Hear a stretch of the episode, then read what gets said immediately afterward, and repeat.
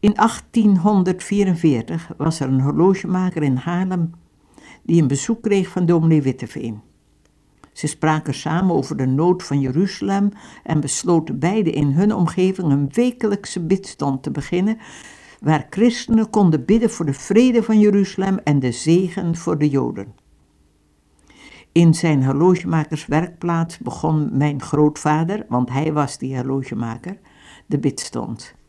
Die in die tijd zo bijzonder was dat het jaartal nog bekend was aan vader die het mij vertelde. Nu komt het heel veel voor als christenen voor Joden bidden, maar toen niet. Honderd jaar later, in datzelfde huis, werden grootvaders zoon, vier kleinkinderen en een kleinzoon gearresteerd, omdat zij Joden gered hadden.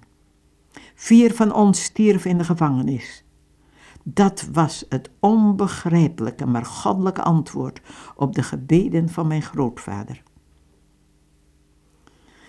In de tijd van de bezetting 4045, toen we alles wat we konden deden om Joden te redden van Adolf Hitlers vreselijke plannen, waarschuwden vrienden ons dikwijls.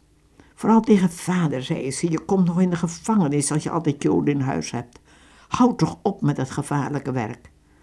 En dan antwoordde vader altijd, ik ben te oud voor gevangenisleven. Maar het zal een eer zijn mijn leven te geven voor Gods oude volk Israël. En dat was wat werkelijk gebeurde. Tien dagen nadat vader in de Scheveningse gevangenis gebracht was, stierf hij. Als een van de duidelijkste tekenen der tijden dat we de Messias spoedig kunnen verwachten, is de terugkeer van de Joden naar hun land. Jesaja 66 vers 8, 20 en 22. Daar kunnen we het lezen. 10 mei 1948 was een van de gewichtigste momenten in de geschiedenis van onze tijd. Ries die een grote liefde had voor het volk Israël, voor wie hij ernstig en trouw bad, heeft gezegd in 1948: De wedergeboorte van de staat van Israël is de grootste daad van God in 2000 jaar. God doet veel in de harten van de Joden van nu om ze klaar te maken voor de wederkomst van de Messias. Een rabbi die ernstig en gelovig Jezaja bestudeerde, kwam tot de conclusie: er moeten twee Messiassen komen. Eén, de leidende knecht des Heren van Jezaja 53, Ben Jozef. De andere, de komende koning, Jesaja 66, Ben David.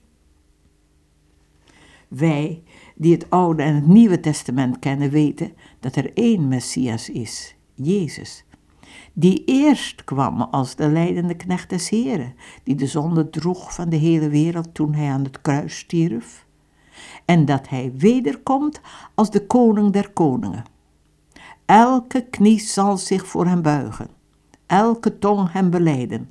Filippenzen 2 vers 10 dan brengt hij het koninkrijk Gods op deze aarde. Dan wordt verhoord het gebed door zoveel miljoenen gebeden in het Onze Vader. U wil geschieden gelijk in de hemel, alzo ook op de aarde. De Joden zullen Jezus zien.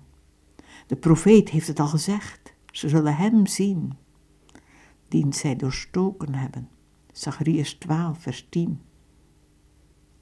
Er is geen politiek antwoord voor de nood van deze tijd. De wetenschapsmensen zeggen er is geen hoop, misschien kan de wereld nog 30 jaar bestaan, maar dan is het einde.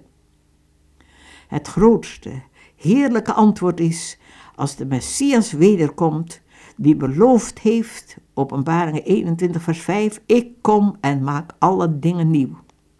En dan zal deze aarde bedekt zijn met de kennis des Heren, zoals de wateren de bodem van de zee bedekken. In het Engels zeggen ze, we zijn niet in een past wartime, maar in een pre-peace time. We zijn niet in een naoorlogtijd, maar in de tijd voor de wereldvrede. Wat is de aarde nu bedekt met misdaad, luchtvervuiling, haat en catastrofe? Er is hoop er is toekomst voor de wereld. Het beste komt nog. Als je de grote nood van de wereld ziet, bid je, kom, Heer Jezus, kom spoedig. Openbaringen 22, vers 17. De geest en de bruid zeggen kom. En wie het hoort, zeggen kom. En wie dorst heeft komen en wie wil, nemen het water des levens om niet. De Heer in de hemel is niet verbaasd over alles wat nu gebeurt. Er staat in de Bijbel, die vuil is, wordt nog vuiler en die rein is, wordt reiner. Alles gaat naar de top, naar een climax.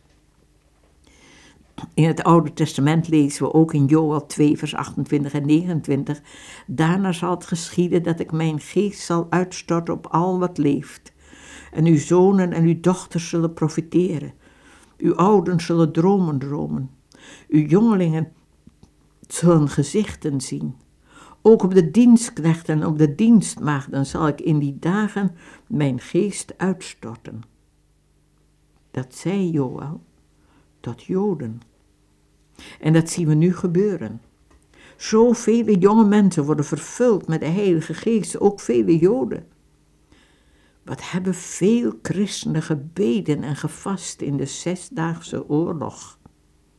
Ik geloof in de zegen van Abraham voor mensen en volken. Ik zal zegenen die u zegenen en vloeken die u vloeken.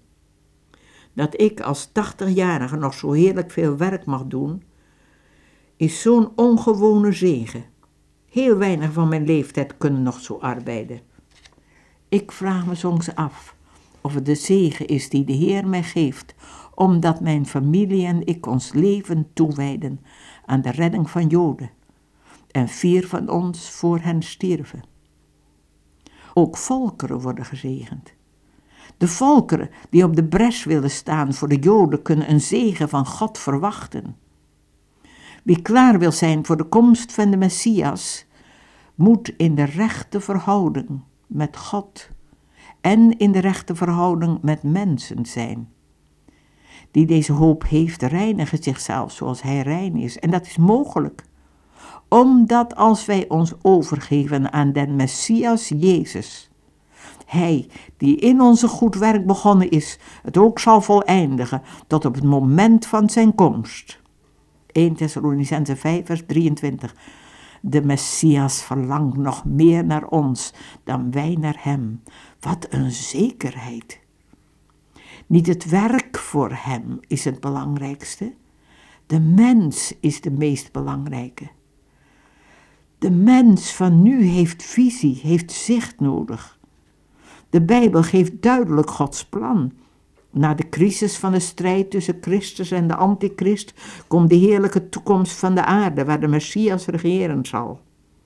Er zijn zoveel christenen die zich één voelen met Israël.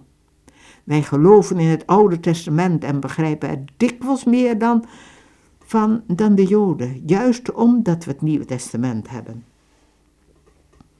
Heer, wij bidden voor de vrede van Jeruzalem en de redding van de Joden. Bewaar, omtuin hen. Ze zijn zo dikwijls in zo'n groot gevaar. Open de ogen van uw kinderen voor de zegen die u geeft aan hen die Abraham zegenen en vloek die hem vervloeken. Leid ons in uw waarheid, Heer. In Jezus' naam, amen.